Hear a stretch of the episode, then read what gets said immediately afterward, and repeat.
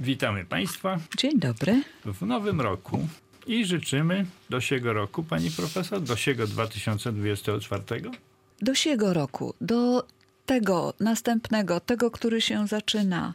Przypomnijmy tutaj, si to archaizm oznaczał dawniej ów, ten, tamten. Ta postać si to jest domniemana postać wyrazu. Nie używamy. dzisiaj nie- tak, zostało tylko właśnie w życzeniu do siego roku, do siego roku i w wyrażeniu ni to, ni sio, ni owo. Kiedyś życzono sobie od siego do siego, daj nam Boże doczekać albo takiego, albo lepszego roku.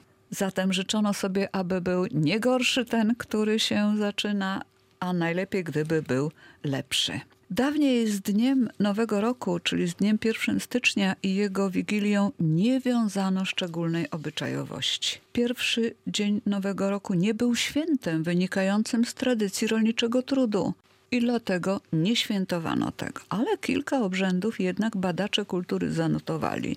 Na przykład na Pomorzu w Wigilię Nowego Roku odbywało się swoiste wytrzaskiwanie Starego Roku. Na czym to polegało?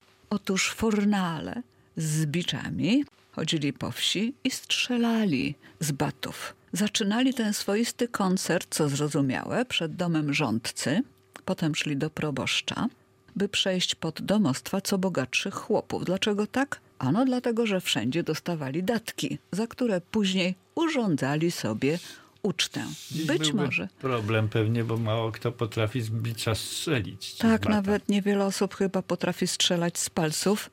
Mm, A strzelanie z bicza, jeśli jest robione nieumiejętnie, to może zrobić krzywdę. Krzywdę. Tak, można się wybiczować. Ważne jest, że to właśnie z Nowym Rokiem zaczynały się zapusty. Pytanie, czy ten obyczaj mm, fornalski nie był zaczątkiem dzisiejszego świętowania Wigilii Nowego Roku, czyli tak zwanego Sylwestra.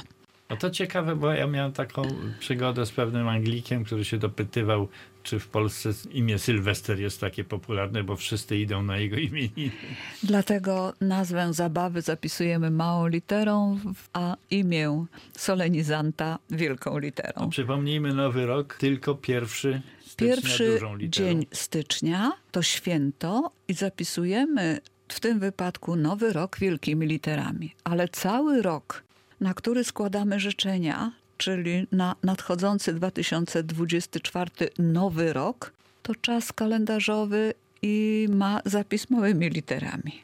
To z nowym rokiem, czyli z dniem 1 stycznia, zaczynały się zapusty, zwane dziś karnawałem od łacińskiego carrus navalis, carrus navalis. Aż do postu. Aż do postu była to łacińska nazwa łodzi na kołach, w której Dionizos przemierzał ulice Rzymu podczas wiosennych, rozpustnych świąt. Ostatni tydzień karnawału zwany jest ostatkami lub mięsopustem.